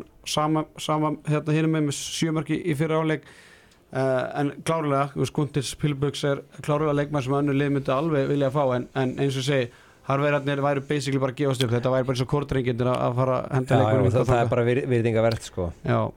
Uh, var svona eitt punktur að í stöðinu 2018 þá fer hörður upp í hraðaflöp og getur minka í munin í eitt mark, missa boltan og Selfoss skora þá tilbaka 21-18 og staðan eðast, úr því að vera staðan 20-18 hörðum í boltan þá breytist leikurinn í 25-18 þá var hann alltaf bara leiklokið. Þannig að, að, að það standin á HSI og HB Stats að leikurinn endaði 36-29 þá basically laukonum bara þarna miðbygg setnarleiks í stöðinu 25-18 og, og andleysið og, og, og allt sem að fylgdi því maður bara svona eiginlega vorkendi harverðum uh, Strákar, það er leikur á, á morgun það er uh, hvað, í, stjarnan íbjöf uh, eigamenn er náttúrulega bara búið með 13 leiki á tíðanbölinu þeir mættu hérna Selfoss Já. sí- síðustu viku já, Varstu ekki að lýsa þeim leikum eða? nei Nei, þú varst ekki að lýsa þeim ég, var, leikum ég náði að horfa svona á megin slatta af þeim leik Já, fyrsti leikur IBF bara síðan 2019 held ég í dildinni Já. býð Á ekkert heimavelli, á eðlilega heimavelli. já, Já. já, býð ekkert eðlilega lengi eftir þessu heimaleik Sko, svo spurning sem ég er búin að fá frá nánast helmingna af þeim sem ég hitti sem tekist handbólta er hvernig er þessi markmaður sem ég beða að fara að fá? uh, ég, ég, ég, ég varpaði því hvort það væri svona mat, matalikt á honum eða mataslikt á honum. Sem bara reyfingar eða? sko hann varði hrikalega mikið á bolta í þessum leik og varði rosalega flotta bolta. Þetta var allt eitthvað svona dauðafæri og stemmingsvörslur. Ég, bara, ég þarf að sjá um náttúrulega bara meira á hann það er oft svona þegar nýja markmenn kom inn þá svona springaður út í svona smástund svo læra bara menn á það og svona.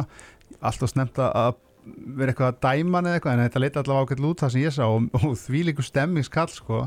Takk ég bara þann mesta sem þið þekkið og markvaldið með tíu, þá eru við konur upp í helmingina þessum gæða sko Já, í eiga gjöðuginni Já, það er bara, það er skotið fjóra metri yfir marki og hann er fyrir bara í kollnís og handa, handalöp sko, hann er með rugglinu sko. En er ekki bara fínt að núna eru konu með svona tvo sem að vega hvort annan upp og þú veist, þetta hefur verið svolítið svona rótir í á þessu hver hefur verið varamarkmaðurinn Já, hjá þeim. já. Núna eru allan konu með svona tvo sem að geta allavega þá bara staðið á milli stangana sko. Kanski stígur PJ þá meira upp núna ef hann, ef hann skinjar meiri samkeppni þá kannski svona, gerir hann sig aðeins, mm. aldrei að vita Það flott að að sjá þennan leik stjarnan auðvitað með frábæran sigur í byggarnum á val á föstudaginn. Já, uh, ekkert uh, all virðinga á þannleika en við erum ekkert mikið að fjallum byggarinn í, í hérna, þessum húsum og hérna, við breytum því ekkert en, en það verður fróðulegt að sjá hvernig bæði stjarnan mætir eftir þann sigur. Hafa erfleikum með að tengja saman sigur í deildinni, sjáum hvort þessi byggarleikur hafi ykkur áhrif á þá formúlu og, og svo sjálfsögðu IBF það sem að fólk er svolítið að tala um að IBF á þess og hinn leikin inni. Það er óþægilegt að eiga svo marga leiki inni. Þú ert farin að gefa þér ég vinn þennan, þennan, þennan. Já, svo gerur það ekki já og með hvernig lit út á lungum köplum mótið selfisingum þá er ekkert að fara að lappa eitthvað inn í, inn í hérna, mýrina og sækja tvö stík sko. Nei, ég hugsa þetta, ef þetta hefði verið í eigum þá hefði þetta verið glárið bara svona tíu marka sigur í BVF, einhver svona byggarþinga og eitthvað þannig, en ég held að þetta verið bara hörkur leikur. algjörlega, það er annar stóruleikur á, á morgun í Evrópudeldina sem að Valur tekur á móti franska stóruleikinu Pák, það voru heldur betur sviftingar og, og skjótt skipast veður í lofti, ég var í Að þjálfa og svo komast, kom franska stóruleiki í kjölfarið. Herðu, það var bara eitt donni mættur á æfingu.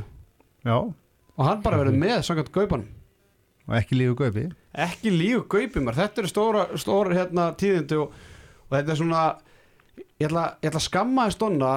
Þetta er náttúrulega rosalega förðuleg ákvörðun að tala sig inn á það að hann sé ekki að fara að spila á móti val því að það væri orðið uppselt á hann leik ef Donni hefði nú bara annarkvært taldi kæfti skilur mig, við erum ekkert að tala um einhverjar, einhverjar kulnun eða einhverjar Mhm. vandamál skilur mig og bara að því að ég hef heimild verið því að valsarnir voru búin að bjóða yngreflokkum fjölnis til að mæta á leikin skilur mig, Mm. frýtt og fjölnismeðandi bara aftökuð, bara nei, heyrðu að Donni er ekki að að spila Það er þannig En þú veist, er þetta eitthvað í hans höndum eða?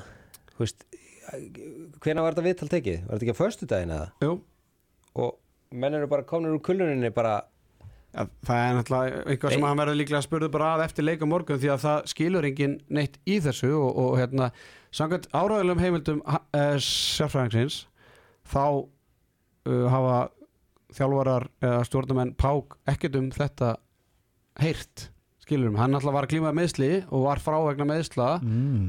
og þeir hafa ekki hugmynd um það að hann er að glíma ykkur andlega veikindi eða það er komin ykkur pásum þeir hafa bara, já hann er bara jafn að setja meðsli sko Já, ok, lag þetta bara þessi partur af hans erfileikum lag, lag það bara til Íslands en ekki til Fraklands Fraklands Já, ég menn það var alltaf umræðan var ekki þú veist, á þeim stað því að áður en að þetta viðtal var tekið þá hérna, hef ég hýrt af því að, að forraðamenn Pák tölu bara um það að hann var í mittur og, og er þið möðamóti val bara eftir nokkra dag og svo bara kemur þetta viðtal eins og, Já, já, bara, þetta er svolítið sérstakt sko. þetta er mjög sérstætt Herðu, talandu um þennan leik, við ætlum að heyra aðeins í Róbert Arne Hostert leikmanni val sem er því miður að glíma við meðsli En á dögunum var Robert Aron Hostert valinn besti leikmaður efstudeldar á þessum ára tugi og heyrum aðeins hvað hann segist okkur. Já, góð kvöldið. Já, er þetta Robert Aron Hostert, besti leikmaður efstudeldar á þessari öld?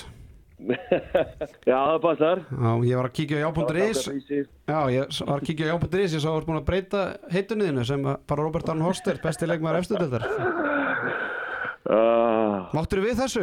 mátti ég við þessu, hvað er ekkoðunni þá? Já, Nei, bara alls ekki, Arnar. það er gott, Jó, svona, gott, í, gott í meðslunum að að fá eitthvað Gott í svona meðslunum. Já, Heldur betur, þokkalega pepp í meðslunum og hérna, þetta er náttúrulega bara ekki ekki heiður. já Herði, mér langar að spyrja bara hvernig er staðan á, á meðslu, meðslunum Þau eru bara, já, nokkuð góð núna, sko. Hérna, eh, náttúrulega kannski ekki annað hægt en að vera aðeins betri hérna heldur en uh, ég var að við byrjun alltaf fyrstu vikuna, það var náttúrulega alveg hræðilegt. Sást kannski viðtalið líka vinni held ég. Það var alveg út til lifjaðar. Við fengið nú bara nokkur message, message frá einmitt því, sko. En hérna, jú, jú, ég er mikið betri og, og, og, og byrjaði að fá svona grænt ljós sem mitt á, hérna, mega reyfa með eitthvað, þó að sé nú ekki kannski hlaupa eða en svona, þú veist byrja að lifta einhverjum, halda einhverjum lóðum og eitthvað, allavega byrja eitthvað að stað, sko mm. Bara fyrir hlustendur, þú veist, hvað getur útskiptað þessi meðsli? Já, það er bara, ég syns bara ég vakna bara um miðja nótt, sko, bara eins og hver hafa ráðist á mig, sko bara, þú veist, einhver kýlpi, bara al- alveg allt svakalega Og ert, bara, ertu, ég- búin að, ertu búin að fá það alveg hreint að Agnes Mári var ekki að koma af efriðaðinu og ráðast á því þarna? Ég fekk það alveg að reynda, því þetta skipti náttúrulega var ég með læst hérna niðri, sko Já, ok. náttúrulega býr, býrðinni fyrir ofan og ég er alltaf með ég er, ég alltaf tekið alltaf tekið úr lás hérna fyrir hann sko, hann lappaði inn í, í FIFA bara hjá hann þetta sko en, en ekki þetta skipti allavega og ég fæ bara alveg því líka stík og, og bregður alveg því líkt og svo bara já svona þrejum fjóru dögum setna sem ég ekki ekki búin að sofa einhverja fjóra daga þá bara fæ ég mitt fyrir, við mamma bara pældi maður í 32 og bara ringir í mömmu sína bara herru ég verður að fara upp á spítala sko og það er þetta bara mynda og bara herru kallið með þú er bara með fokkalegasta brjósklósi sko Og bara, þú veist, upp á þurru? Já, bara eiginlega upp á þurru og það er ekkert vita bara hvernig þetta kemur skilja, þetta var ekkert eitthvað högg eða, eða neitt svoleiðis, ég var bara en kannski öll þessi ára sem ég sé á maganum og, og er alltaf með hausin í, í aðra áttina eða eitthvað eða, eða hvort ég sé búin að vera að reyna að fiska og mikið á teimindum öll þessi ára það var, að ég veit ekki, Þetta- er bara upp á þurru eitthvað skilur það en hérna, já Þetta telur allt saman. Þetta telur allt saman já. Herðu, mér langar aðeins að tala um hennan titil sem þú varst að reppa á, á vísi fyrir helgi, besti leikmaður efstudeldar á þessari öld. Mér langar svona að spyrja aðeins fyrst. Þú sást hann að lista, hvar bjóstu við að sjá þig þarna fyrirfram?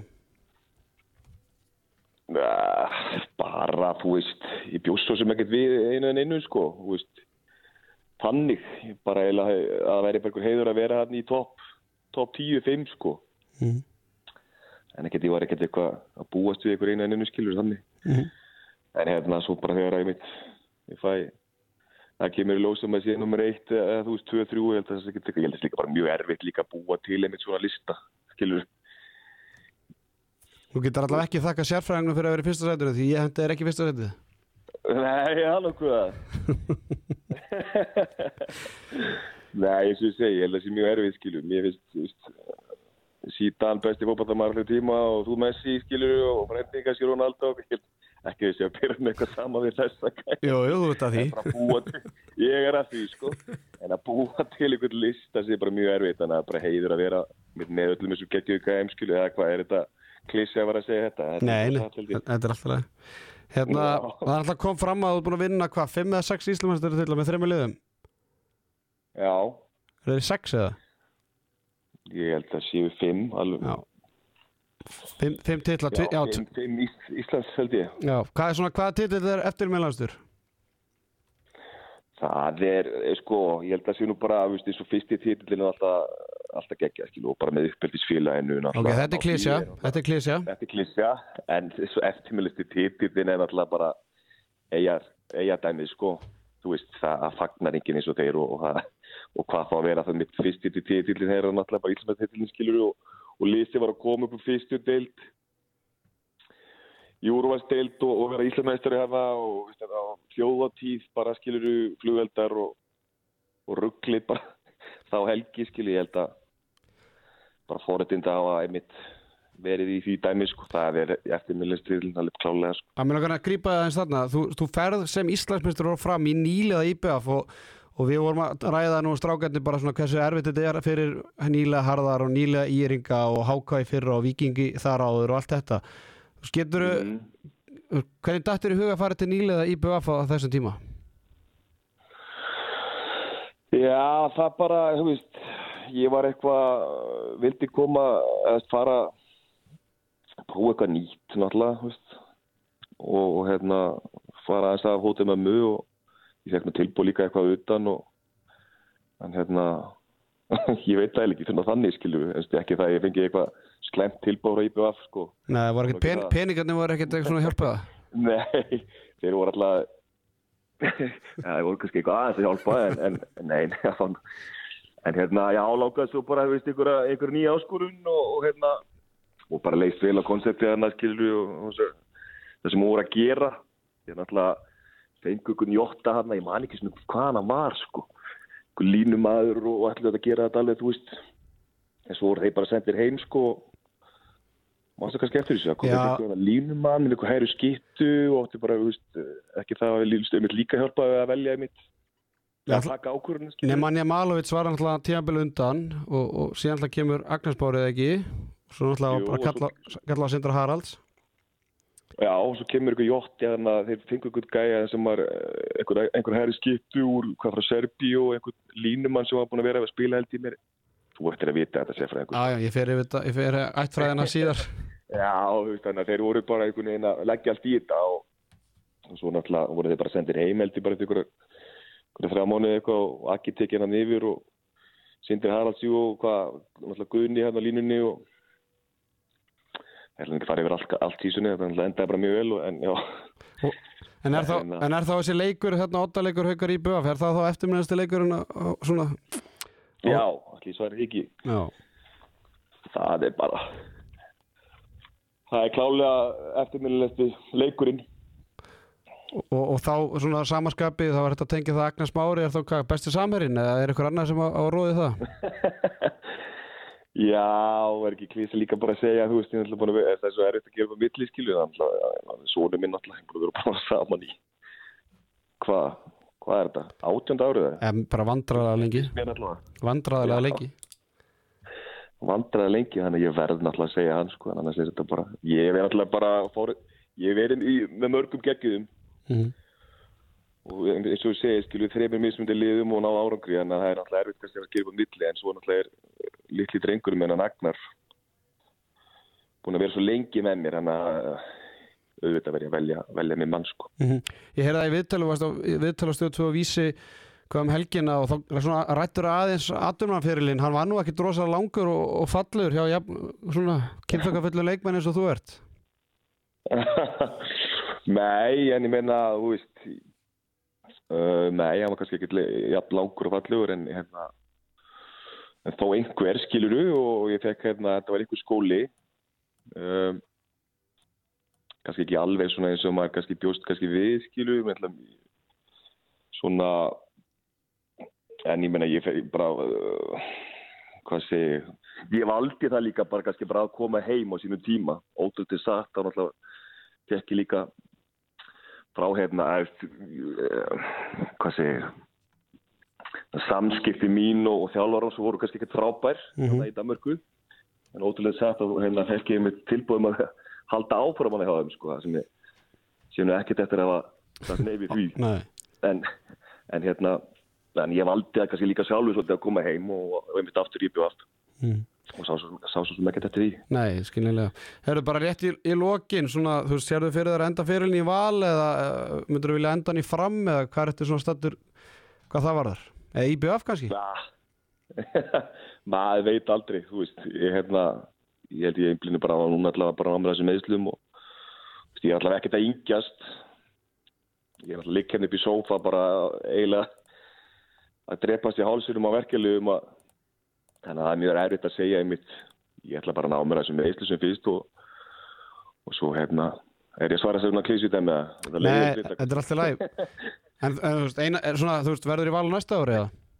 Já, ég mér líði vel í val og ég verði ver í val næsta ári og, hérna, og það er bara einmitt, ná sér að þessu neðslum og, og sefna titlum Það er ánægilegt. Herðu Róbert Aron Hostert, eh, takk hérlega fyrir að taka upp tólu þegar sérfræðingur ringir. Þú ert svona einn af þeim fáu sem ég nenni að tala við þessari deild. Það er nú líka bara hrókin í þér. Já, já, Ég- ég kallinn minn. Herðu, takk Já, hérlega fyrir ekki, þetta. Jú, jú, segjum það bara. Herðu, ok, Bye. að bæ. Já, Róbert Aron Hostert, strákar, er þið sammála þessu? Besti leikmaður efstu deildar frá upphafi? Eða þessar völd? Uh, margir góðir, ég var með hann sjálfur í öðru seti Já, ég held ég var með hann í, hvað, fjóruða, fymta? ég var með hann í öðru að þriða hvort ég var með Sigurberg Efstan og ég man ekki alveg en, en, en hann á klárlega heima í topp þremur af mínum að því sko. Já, ég held ég var með Sigurberg og Haldur Ingóls og hvað, Ásker Örn eða eitthvað. Já, ég fekk ekki að velja en ég hefði alltaf sett hann í fyrsta seti sko Nei, nei, en ba- bara, þú veist, titlarnir tala líka bara sínu máli. Um, Mér finnst þess að gaman að hugsa tilbaka sko því að hann er náttúrulega jafnaldri minn og þú varst vantar líka að spila á mótunum sko hvort maður hefði trú á þessu fyrirfram. En þetta er samt eins og þú dregur inn aðurum manna fyrir og annað, er náttúrulega, þú veist um, margir, þetta bara betri handbóltamenn, þú veist, sem hafa spilað í deildinni en hans vera í þessari deild er náttúrulega bara rosalega sko. Mér finnst einmitt þessi punktur varandi þessa yfirfæslu hjá hérna yngva taka bara bestu leikmenn í efstu dild skilum ekki endilega bestu leikmenn sem hafa spilað í efstu Nákvæmlega. dild og hafa verið frábæri þú veist, þá værum við bara að tala um Óla Stef og eitthvað svona Já, já, já, er stegi svona fyrst á Aron Pálma bara í öðru skilur þetta er svolítið svona gefur efstu dildin í Íslandi svolítið svona meira plattform og, og þetta er kannski stráka sem að menn margir hverjir eigi ekkit valla landsleik sko, og ef, ef það er einn landsleikur þá er það ekki meira en tveir þannig að Já, það er bara, ég held að Sigurbergur sé Landsleikjahæstur. landsleikjahæstur af svona, af þessum mönnum sem að svona í fljóta litið. En, en skemmt þetta að hafa einmitt þennan punkt þannig að eins og þú sagðir hans þetta bara verið Aron Pálmarsson, Róbert Gunnarsson veist, já. allir þessi gæða, Snorri Steit Guðjónsson. Geir Sveins og Óli Stef og eitthvað svona. Já, hefur Herra, hann er kannski að- En hann er að tala um uh, serbnesku skiptuna Filip Sefanovic og slóenska línumannin Matjas Mlakar. Ok, þeir riftu samningnum við það, við spilum hann 9 og 10 leiki. En hvað kallaði hann þá? Jotta? Hvað er fjandarinn með Jotti? Geri, þú, þú þekkir þetta? Ég, þú ringjar aftur, spyrir hann út í þetta. Já, ég bara Ég er svo eitthvað sem samið yfir alla frá þessu Júkoslavi ég, eitthvað- held að það væri nú bara Júki sko en, en, Ég held að þetta væri kannski meira svona eitthvað bara eitthvað svona þú veist. Já, hann er, er er rosalegur En- Jotti þessi gæði En það er fyndi sko þegar maður er að skoða hópin hjá IBF þetta tímabil, hérna talandi breyta hóp, það er ekkert svakalega breytt í þessum hóp sko. Nei, helviti þund, þetta er alltaf Þeir er alltaf fengur hann að norska markmann eða ekki líka? Jú, Henrik á Hann að En nei, þú veist, eins og var talað um en alltaf var ég El Grandi í síðasta þætti þar sem var að fara yfir hérna leikmannahópin í umspilsleik eh, ottaleik hauka IBF og, og þar voru leikmanni með Dagur Arnarsson hann er nú bara einhver 15-16 ára þarna með Einagauti Ólafsson, Hallgrimur Júliusson Haukur Jónsson skilur við er þeir sem eru sko með nöfnin, sko. 50 mörg eða meira eru sko Agnar Smári, Andri Heimir, Gretar Þóra Eithórsson, uh, Róbert Arnhóstert og Theodor Sigurbjörnsson. Já. Þetta eru fimm leikmenn sko. en það voru þeir svakalegir sko. Veist, Tetti var hann bara algjöru præmi Uh -huh. Já, hann var bara frábær Því miður var það ekki meira úr hans ferli vegna meðsla en- Nei. En talað um El Grande strákar þá erum við alveg að fara í El Grande áður langar við bara að svona, alveg páka morgun við munum náttúrulega benni tíman haugana í meistardöldinni þú veist, mér finnst þetta svona mér finnst ég vera að upplifa æsku mín aftur ég var að hugsa þetta bara hvað ég fáralega heppi núna er ég svolítið tengdu val að fá að upplifa Evrópu riðlakeppni þú veist, umstangið, dúkin maður sér, þú veist, 50, 60, 70 sjálfbóðlega daginn fyrir leik allan leikdag, eftir leik. Það minnir mér svolítið á það því ég var að alast upp í haugunum þegar haugarnir voru í, í kæta mistaradildanar þetta er, og ég meni, við sáum við við Dag Sigursson í dag, þú veist Íslendingarnir, við sáum svolítið á verðinum og, og, en það má ekki gleyma því samt sem ára að eða valsarni, þeir fá svona vælkart inn í kæmna og ég kom svolítið fram í síðasta leik því ég var að lýsa Valur Bendorm að það eru stórlega eins og Kolstad uh, Lemgo eða nei, Lemgo held ég. Veist, það eru stórlega sem komast ekki í reyðilega kæmna þú veist, Savihoff veist, þeir komast ekki áfram og, og, og fleiri. Þannig að veist, þó að FH eða Íslandsmyndstarnir Valur eða Haukar eða hvað sem er veist, muni taka þátt í þessari keppni þá mögulega muni þeir bara fara í, umsp í umspil Umspili, já. mæta Kolstad eða mæta veist, Malmö eða Savihoff eða hvað sem það er skilum og detta bara út. Þannig að það er ekkert sjálfsagt að Nei, við fáum njóta. reyðlakeppni aftur sko. Við höfum bara að lifa og njóta að við getum og bara frábært. Það líka liftir bara öllum klubnum upp. Það er svona allir einhvern veginn að leggja hönd á pló og með fullir virðingu fyrir mínum önnum og ásöldum og fyrst mér nú valsminn búin að taka þetta nokkun skrefum ofar í svona umgjörð kannski bara tímar að ták skilur þetta, þetta er 15 ára síðar og allt það en bara ég bara hvet alla sem að hafa tök á því að koma sem ég kemst í miður ekki sjálfur en að bara að mæta það, ég held að að þá til miðar og sérstaklega, já það er innan við 100 meðar eftir, það verður held ég tróðfullt á, á, Já, morgun að geggjað. En, og, og sérilegi vegna þess að, að það bendur alltaf þess að Donni verði með og þannig Mhm. erum við bara að fara að sjá Donna sem er fáranlega góður í handbólta Mhm. og, hérna, og fyrir mér er þetta bara 50 leikur. Veist, það vantar Legard og, og hérna uh, spænska landsleismannin uh, Tarafeta Serrano sem að hérna, Mm. meittist uh, rétt fyrir HM í, í hérna fyrir, já, í janúar. Þannig að það, það vantar þá þannig að það er gríðarlega styrku fyrir Pák að fá Donna inn skiljum við. Og það gerir leikin eða 50-50 ef Donni hefur ekki með þá hef ég sagt bara heyrðu alveg bara að vinna leik En er Alexander í banni eða? Nei, Alexander er ekki í banni Ok. en hann hins vegar fekk tak í bakið í þriða sinna þessu tímabili og hefur verið að glíma við meðsli og hefur ekkert æft núna eftir stjórnuleikin Nei. þannig að Finnur Ingi náttúrulega snýri svo ökla í stjórnuleiknum þannig að það er óvíst að hann verður með en valsarnir eru vissilega með Júróbella Jórabelli, já Sást þú þetta fyrir þegar hann kom til þín í gróttu að hann væri að starta á morgun? Ný Ég nefnilega sá það fyrir þegar hann spilaði fyrir mig í íhá sko, Já, á ok, sínum tíma. já, Ég, þú, þú ert ótrúlur ég vissi það. Þú ert ótrúlur uppgangur hans hefur er verið rosalegt. eh, já, sögulegur. Já, þetta er Nei, svo en þetta er bara, þú veist, eins og Benni segir bara að mæta og þú veist, þetta er búið að vera frábært að fylgjast með þessu og jafnvel þó maður hafi ekki verið að mæta þá maður verið að horfa á þetta bara í sjónvarpinu og það er bara frábær umgjörg kringu það. Þetta er bara orðið nýja bíókvöldið á mínu heimili. Það bara er, er þessi þriðdaskvöld á þriðdagsköldum Já, þetta er bara Ég meina þú veist, það er búið að vera uppselt í VIP veist, ég var svolítið hættur að það eru sex lið Þetta eru fimm heimaleikir, þetta eru tíu leikir. Ég held að menn myndi ekki hafa úttalt í þetta. Það er búið að uppselt í VIP núna 300 manns 300-400 Og svona, ég heyri svona innan valsemili sem heyrðu Ef ekki hafa bara VIP líki í veist, það er alltaf að tala um upplifunin Skilum að mæti ekki bara leik. Veist, Það er í dag Sigursson bara með stand-up fyrir, fyrir leik Einar Guðmundsson, Pabbi Tate svo með fyrir Flensburga leikin og það er hægt að fá veist, miklu fleiri leikmenn. Sigfús Sigursson, klárlega til að mæta og eitthvað svona bara ver, af hverju ekki, VIP þú veist, það kostar ekki þrjú fjóður skrónum auka frí, frít áfengi og eitthvað snittur og eitthvað, mm veist, þetta er upplifin sem allir að tala um, þannig að vonandi eins og segir að önnu félög bara herðu, af hverju eru ekki með VIP hérna fyrir úslæðikeppnina En fyrir svona sótsvartan almúan sem hefur kannski ekki bólmagni í VIP hvernig er upplifun þeirra að fara? Það er bara að fara fjósið. Já, er það ekki? jú, jú. Þa, það er opið? Já, já, fjósið er alltaf opið.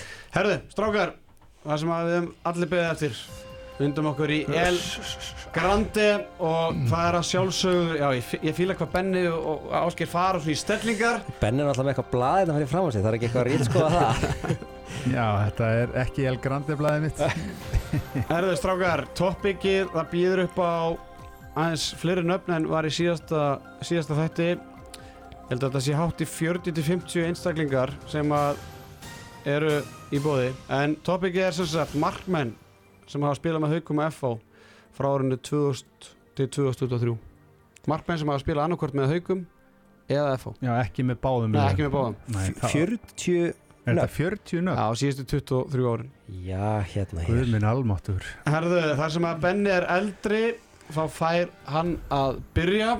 Já, ég er ekki góð strategi að klára alltaf þessa, þessa sem eru svona alveg gefnir. Ég ætla bara að segja Aron Rafn Eðvarsson. Já, ég ætla að segja Stefán Huldar Ég sjá Aron Rapp Eðvarsson og Stefan Huldar þá eru þeir farnir af listanum Uh, Birgir Ívar Guðmundsson. Andri Skeving Við erum allir í haugun núna. Mhm. Magnús Sigmundsson. Magnús Sigmundsson, einn af þeim markmennum sem að hefur bæði spilað með FH og Haugum, þeir eru nokkrir. Já Herru, það er þá hérna Fylduler Fylgdöðler, þýski markmennum sem að reyði ekki feitum hesti í leiknum gegn gróttu og er sennilega á förum frá FH eftir þetta tímabil Ég þá ekki bara nefna artakan sem er að koma aftur heim. Daniel Fyrir Andresson. Daniel Freyr Andrusson að sjálfsögðu einn af þeim markmennum sem hefur spilað annarkvort með Haugum eða FH frá 2000 til 2023 uh, Sigurður Örn Arnason Sigurður Majónes Siggi Majó að sjálfsögðu Sigurður Arnarsson leik uh, liði FH hvað er kringum 2014-15 ég Mhm. fyrr. Hm, 2014 uh, Gretar Ari Guðjónsson. Gretar E. Guðjónsson, einn af þeim leikmennum sem að hefur bæði spilað með haugum FH en þó ekki mestarúki FH en hann fór í svona æmintýraferð til FH í hvað í fjóruflokki kom svo aftur í, Er í Mekka. Kristoffer Fannar Guðmundsson Það er fastegnasalinn Kristoffer Fannar Guðmundsson að sjálfsögðu og uppalinn í Mosel Spænum uh, Gítrius Morkunas Ídris Morkúna sá sjálfsögðu að Goggi eins og var kallaður Pálma Pétursson. Pálma Pétursson. Þetta skot gengur Matas Pransivicius Þinn besti vinnur, Mm. Matas, hann gleymur honum ekki. Uh, Hérna Bjarni Frosta, er hann eftir aldamótið það? Bjarni Frostason. Já, já, já, Hann er eftir aldamótin. Þú tókst ég var akkurat með hann í hausnum Uh, Ok, þá erum við með um, Ég er að fara hans yfir F-fæðingarna sko. Þeir eru ekki eins eftirminnilegir hjá mér, ég veit ekki það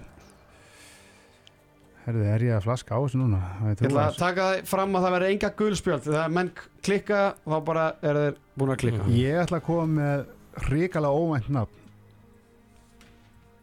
Styrmir Sigursson Á hverju byggjur það? Já, hann er ekki uppalinn F-fæðingur og fór hann bara í blóm, Blómstur hann í stjörnunni bara.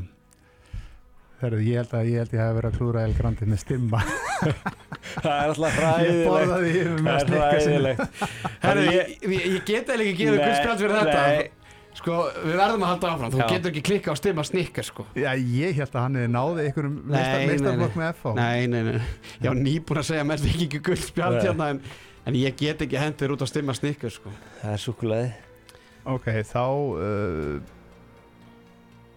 mm, Við eigum allt og marga markmenn Mhm. eftir til að fara að hætta núna, Benny. Ég veit það, ég veit það. Það er svona, þegar minnlokan kemur. Ég var fastið með Bjarnar Frosta Hver spila hérna, Björn Frosta? hann, hann hérna Gísli Guðmundsson.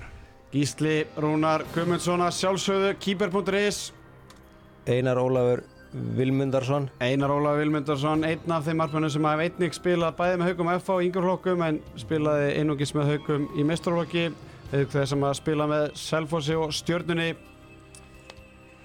Uh, Árið 2000 er í haugum uh, b- b- b- b- b-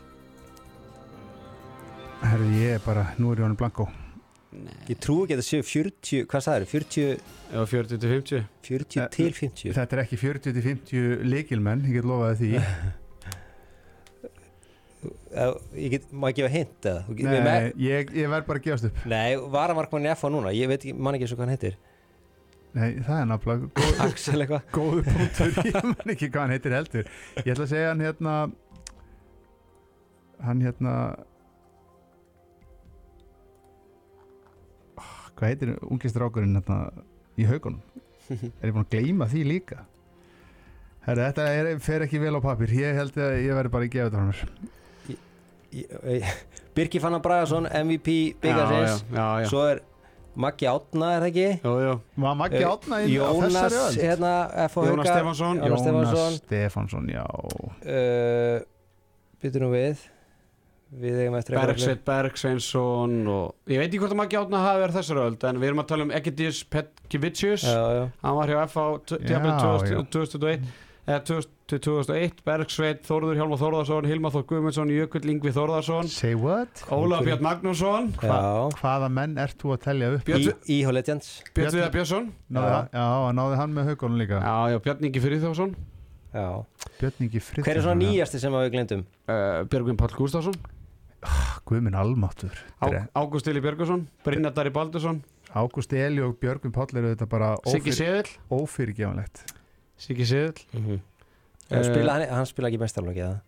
Jú, hann var- á eitthvað var eitthvað var eðast, hann á okkur 2-3-4 leik Það væri svona gráu svæði. Lazar Minits maðurinn sem var á moppunni í kriganum. Já, Já. Guðmund- hann var Já, hann var reikin já, fyrir hann svo já. lélugur starfsmæður Æ, já, svo var annar útlendingur Leonard Kristescu Já, já, já, Leo. Já, ég veit ekki hver það Ég er. maður bara alltaf eftir honum í gulupeysunni. Siggi Dan. Sigur Já. Dan, já.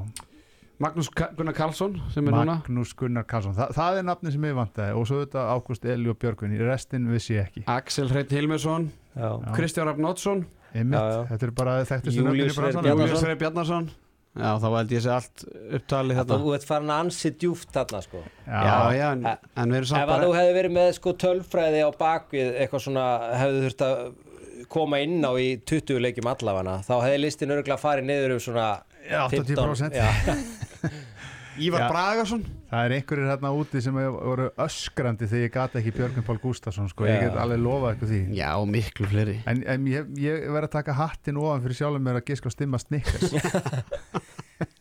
Þetta var virkilega gott. Uh, Ég skaffa Skeri Gunnarsinni til hamingi með að vinna Benna Bounty í El Garandi í handkastinu. Þetta er góðu fyrirbóði fyrir leikin 27. Já, februar þetta er basically, þetta var bara Þetta er ræður úrslutum Já, ég ætla að vona að þið takki bara stíð hérna og við vinnum þetta frekar á parkettinu. Já.